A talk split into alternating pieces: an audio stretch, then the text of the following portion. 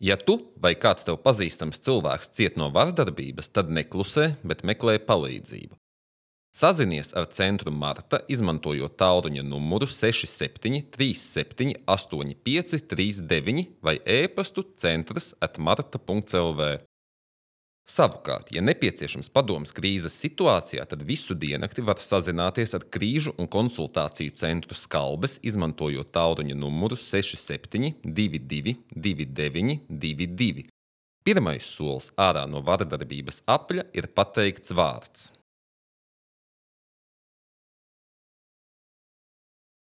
Ko darīt? Kur vērsties? Tiesības. Kas ir tiesības? Kādas ir manas tiesības? Tiesības zināt.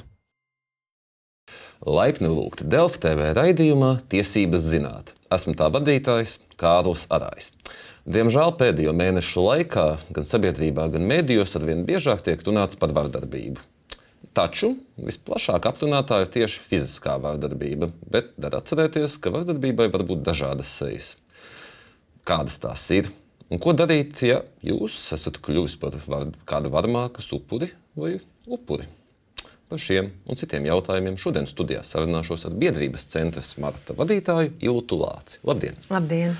Nu, pirmais jautājums jau laikam tiešām ir tas arī atslēgas. Kas vispār ir vardarbība attiecībās tieši? No vardarbība ir daudz, kā jau jūs minējāt, vardarbībai ir daudz dažādas sejas. Bet, principā, mēs varētu teikt, ka tev piespiež darīt kaut kādas lietas, vai pret, ar tevi izrīkojās pret tavu gribu.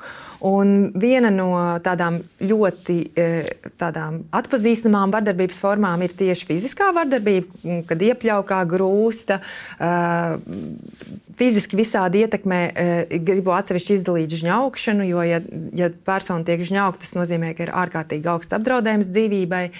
Uh, un, protams, ja šī fiziskā vardarbība tas nav vienreizējs akts, nu, dusmās es tevi iepļaukāju, bet tā, tas ir sistēmiski atkārtojās, kļūst smagāk, tad ir ļoti, ļoti jāpievērš uzmanība tam. Uh, un tad ir vēl, protams, um, uh, psiholoģiskā vardarbība, kad tevi kaut kādā veidā pazemo, nosauk, apsaukā, izņirgājās par tevi, apšauba tevi, um, liek domāt vienu lietu, bet, var sakot, pazemo visu laiku, sadrupina tavu pašvērtējumu. Tā ir tāda arī ļoti izplatīta vardarbības forma. Un tad vēl, protams, ir jārunā par um, seksuālo vardarbību, kas arī nevienmēr ir atpazīta, jo bieži vien um, uh, daudz kas, ko mēs redzam publiskajā telpā, uh, un kas nav uh, saska, saska, saskaņots vai kas nav, kur nav bijusi piekrišana, uh, tas tiek kultivēts kā norma, un tas arī nu, grauj to izpratni par, par veselīgām seksuālām attiecībām. Un bieži vien arī uh, tuvās attiecībās uh, seksu, um, um, seksuāla rakstura darbības tiek izmantotas, lai var, vardarbības veicēju nomierinātu, bet tas arī atstāja um, sekas uz uh, cietušās personas uh, garīgo veselību un arī fizisko veselību. Līdz ar to, ko tas nozīmē, ka tās ir jebkāda veida seksuāla rakstura darbības atkal pret tavu gribu vai ko pieprasa šis vardarbības nu, veicējs. Bez piekrišanas, jo atslēgas vārds e, ir piekrišana. Un tad, protams, ir jārunā par ekonomisko vardarbību, kas arī bieži vien ir, um, ja sieviete atrodas. Uh, situācijā, kur viņa, viņai nav līdzvērtīgi ienākumi ar, vardarbi, uh, ar, ar vīrieti, un mm, šajā gadījumā vardarbības veicēji, kur tiek uh, domā, piemēram, es došu tev naudu vai nedošu naudu, es kontrolēšu te, tevi, vai tu ej ārā no mājas vai neej ne ārā no mājas. Piemēram, ja visi līdzekļi ir vardarbības veicējiem un tev nav pat par ko ziemas apaus iegādāties vai bērnam kombinzonu, tu pat netiec nekādā veidā ārpus mājas vai saņemt kaut kādu palīdzību. Ja tev šī palīdzība ir nepieciešama. Uh, Vārdu sakot, ir daudz dažādu veidu.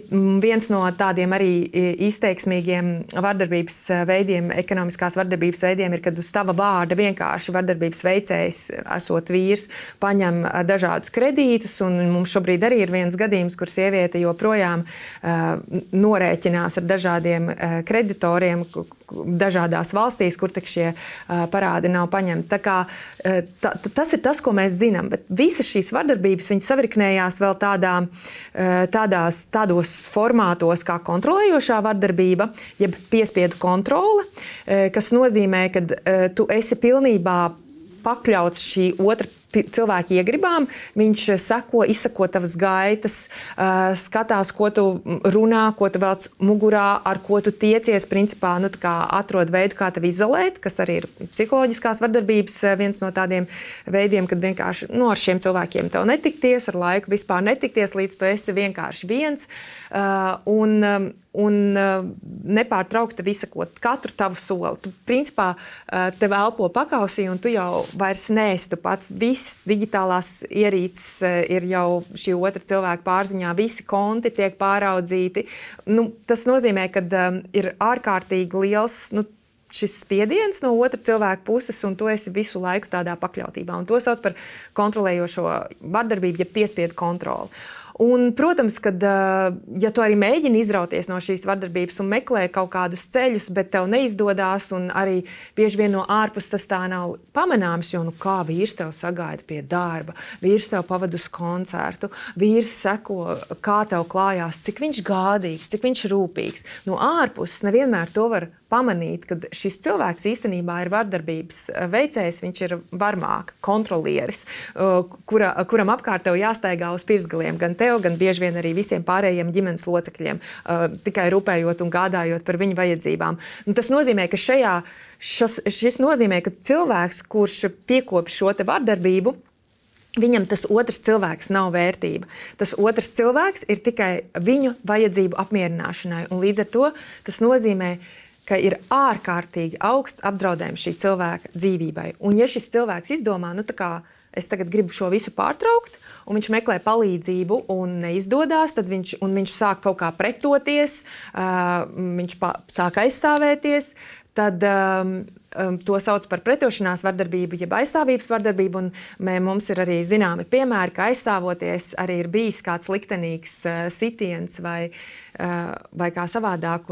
Šīs sievietes lielākoties ir nonākušas arī ieslodzījuma iestādēs, principā sevi aizstāvot Jā, savus bērnus. Es esmu pat rakstījis ziņu, vienkārši no nu, skatītājiem būtu klausītājiem apmēram ieskats. Bija gadījums pirms pāris gadiem, kad sieviete bija tieši vardarbīgās attiecībās. Un, uh, Aizstāvoties, viņa veica vienu dūrienu vīrietim kājās, nu, viņš nāca viņai virsū, bet, diemžēl, pārdūra artēriju. Vīrietis nosņoja, nu, sievietei piespriedīja, ja nemaldos, trīs vai četrus gadus aizrestē. Nu, protams, visticamākais viņa izcietīs divus gadus, un nu, tiks pirms tam atbrīvot ar labu uzvedību, bet nu, šā vai tā.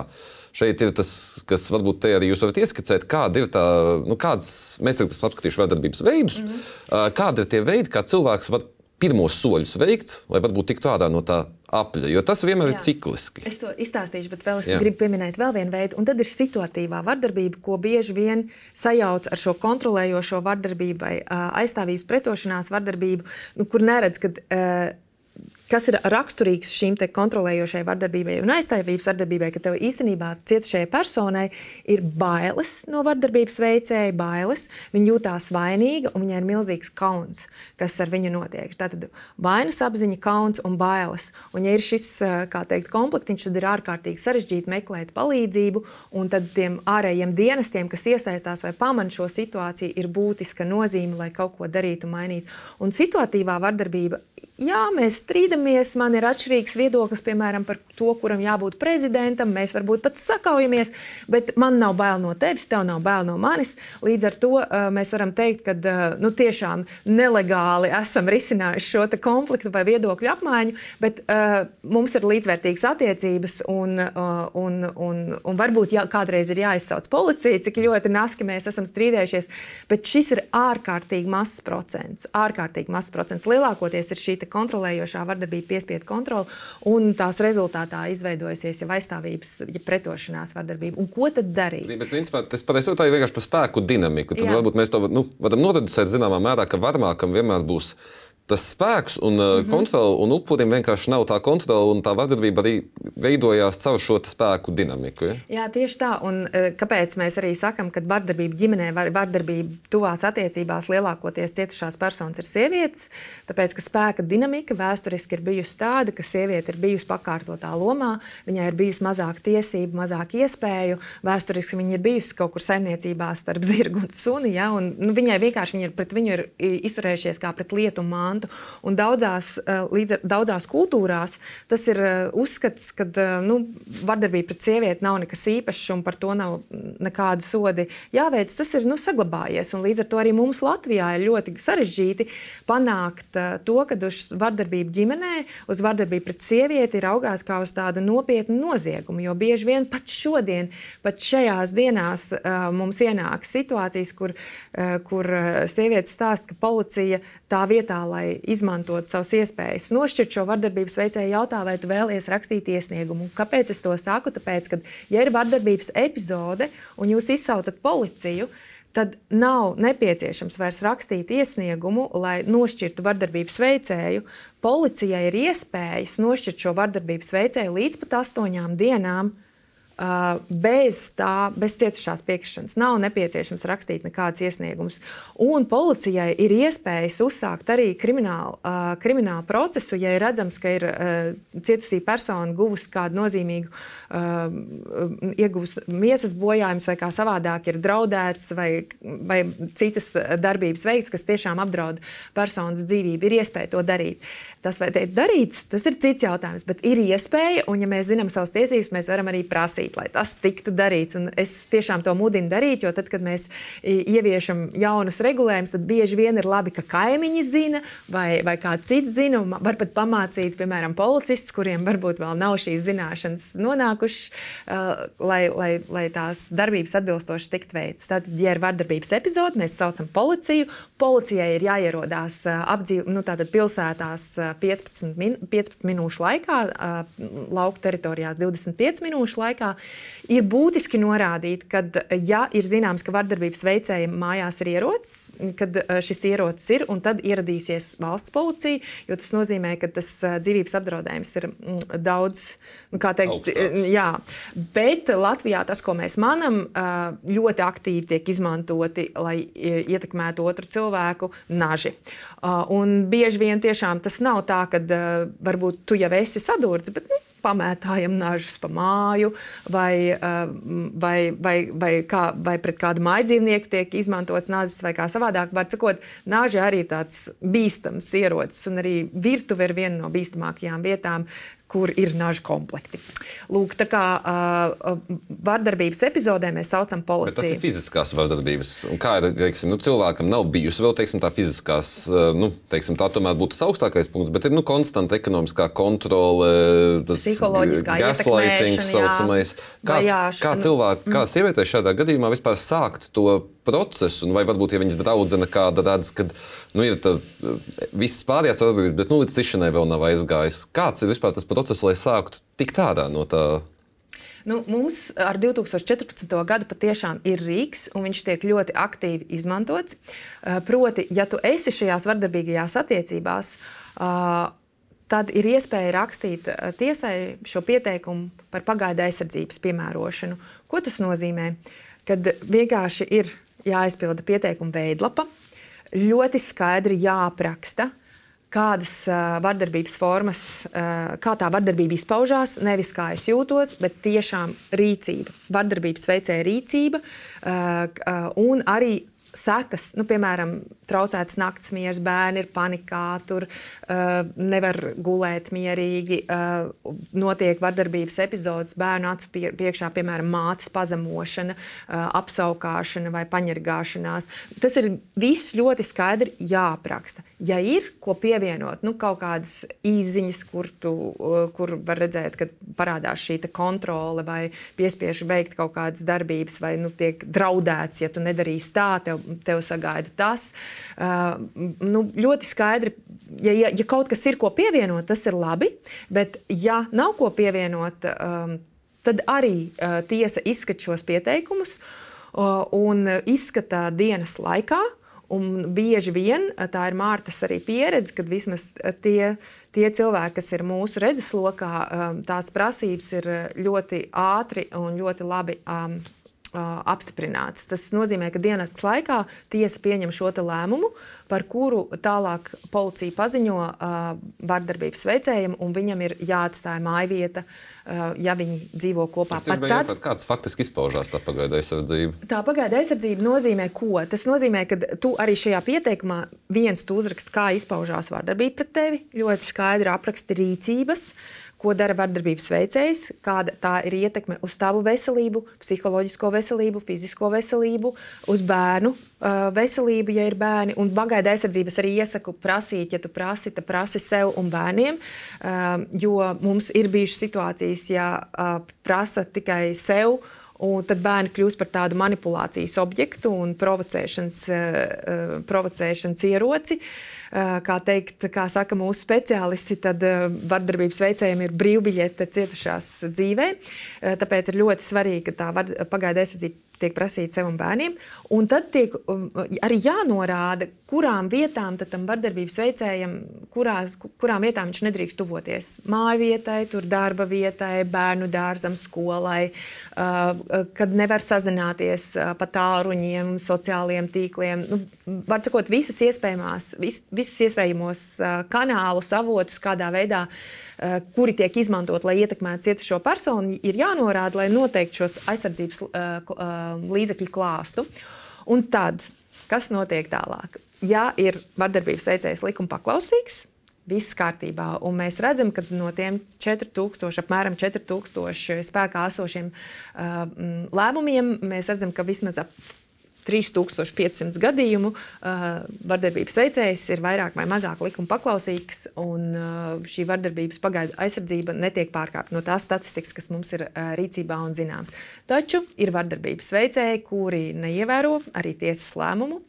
Un viņi pārkāpj šo pagaidu aizsardzību. Un tad gan uh, ir aicinājums uh, zvanīt policijai, zvanīt uz 110, lai tiešām policija ierodās, lai šis izsaukums ir piefiksēts.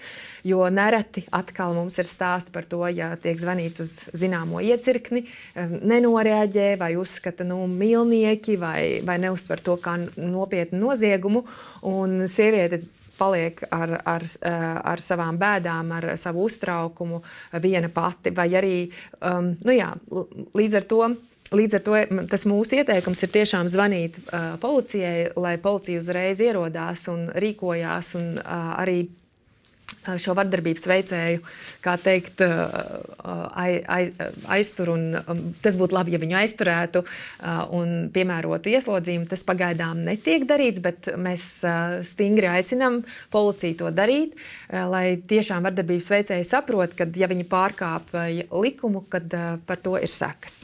Nevis, ka tu vari palikt nesodīts mūžīgi mūžos. Mūsu, mūsu pieredze rāda, ka šobrīd arī um, ir tā, ka uh, ir vardarbības veicēji, kas reāli ir suteneri. Uh, ne tikai vardarbīgi vīri, bet viņi jau šo sievieti ir seksuāli izmantojuši un tā tālāk. Viņi šobrīd mm, staigā uz brīvām kājām un jau ir sameklējuši citus jaunus upurus.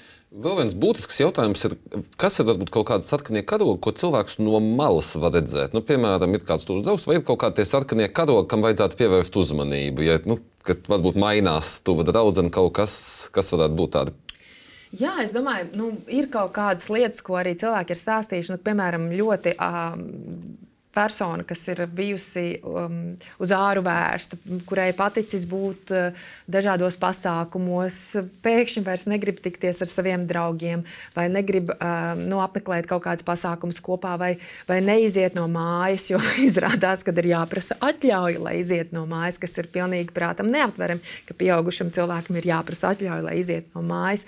Nu, kad, uh, nu, daudzas tādas lietas, nu, kad, kad tā persona tā sāk pašizolēties, uh, tad arī nu, ir vērts sākt interesēties, kas notiek, kādā veidā var palīdzēt. Un varbūt arī dažreiz ir vērts arī vienoties par kaut kādiem signāliem. Vai, kurus var īsiņā nosūtīt tam sev tuvam cilvēkam, kad šis tuvais cilvēks saprot, ka ir briesmas un ka kaut kādā veidā ir jāvēršās pēc palīdzības vai jāsāk tiešām interesēties, kas notiek.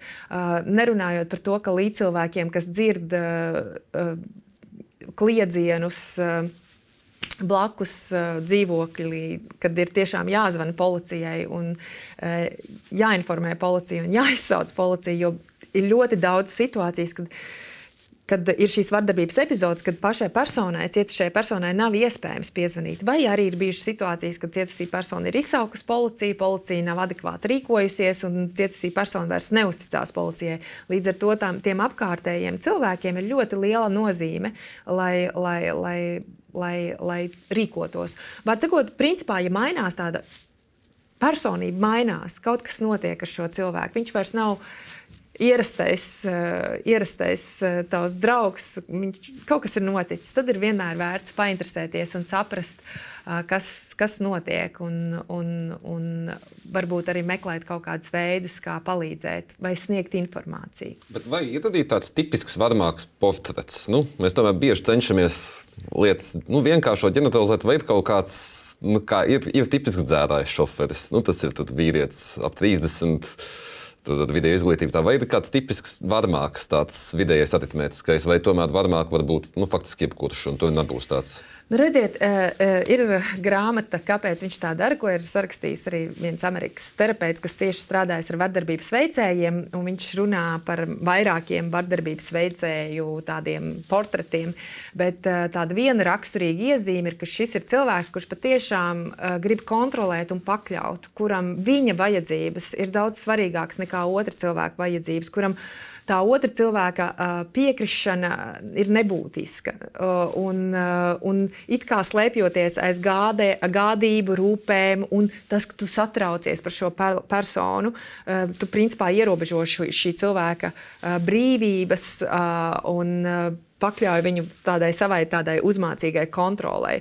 Un šeit man arī jāsaka, ka tajā brīdī, kad dar, tu gribi atbrīvoties no šī visa, tad tev negribās, ka tev visu laiku elpo pakausī un seko līdz katrai tavai darbībai. Tev gribās būt brīvai. Tad ir, tad ir jāsaprot, ka šajā brīdī, tad, kad tu gribi atbrīvoties no šī kontroliera, eh, tas ir viens ļoti bīstams brīdis. Un tad ir svarīgi, eh, svarīgi, ka tev tiešām ir nu, gan draugu lokus, draugu lokus parasti jau vairs nav, tu esi izolēts, bet nu, tu tiešām meklē šo palīdzību pie profesionāļiem. Un šajā gadījumā es tiešām iesaku zvanīt uz skalbes tālruņiem, nokonsultēties. Uh, centrā Mārta var vērsties tiešām, ja arī ir sardzēti un saskatīti šie augstī, uh, augstī apdraudējumi riski dzīvībai. Un tiešām konsultēties un saņemt šo profesionālo palīdzību un tiešām prasīt šo pagaidu pagaidu aizsardzību no vardarbības, izmantot šo iespēju. To tu vari darīt uh, gan attālināti, gan arī aiznesot uz tiesu šos dokumentus. Uh, mm, ir svarīgi, ka tu to dari um, uh, un tiešām dari.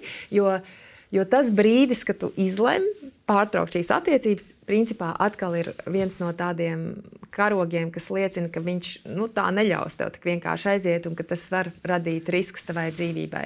Tāpēc tas plāns ir ļoti jāpārdomā. Šī ir tēma, par kuru mēs varētu runāt tiešām vēl ilgi, mm. un es arī skatītājiem, klausītājiem varu apsolīt, ka mēs atgriezīsimies, bet nu, mūsu laiks tuvojas noslēgumam, un tad es palūkšu varbūt kādus divus, trīs teikumus, kas tiešām tāda varbūt esence, zelta padoms cilvēkiem, gan, nu, kas vai nu cieši no vardarbības, vai kas ir liecinieki vardarbībai kas ir liecinieki, tiešām neklusējiet, eh, zvaniet, ja jūs redzat šo vardarbības aktu, zvaniet policijai. Bet, ja jūs zinat, ka persona ir vardarbīgās attiecībās, sniedziet informāciju, kur var vērsties pēc palīdzības. Un neizsamistiet, ka tā palīdzība netiks pieņemta. Viņa netiks pieņemta vienreiz, otrreiz, trešoreiz, bet viņa tiks ar laiku pieņemta. Un jāapzinās arī, ka persona, kas cieši no vardarbības, viņa mēģina izkļūt, viņa mēģina un mēģina, un tā, tās var būt septiņas reizes reizes, bet astotajā patiešām šī persona varbūt arī izkļūs no šīs vardarbības. Neizsamist, kad uh, kāda persona uh, netik vienkārši liekas, ka uh, nav tik vienkārši pārtraukt šīs vardarbīgās attiecības. Un cietušajām personām, jā, tas ir sarežģīts ceļš. Tas ir sarežģīts ceļš, bet tas ir iespējams. Pārtraukt šīs vardarbīgās attiecības, rakstiet pagaidu aizsardzību, vērsieties pēc palīdzības. Un tā dzīve, kas ir brīva no vardarbības un kas ir cieņpilna, nu, tā, tā atsver visu to grūto ērkšķu pilno ceļu. Un šīs nots arī teikšu jums paldies par sarunu. Bet arī jums, dārgie skatītāji un klausītāji, tiksimies jau pēc divām nedēļām. Un atcerieties, mums visiem ir tiesības zināt savas tiesības. Ah tá.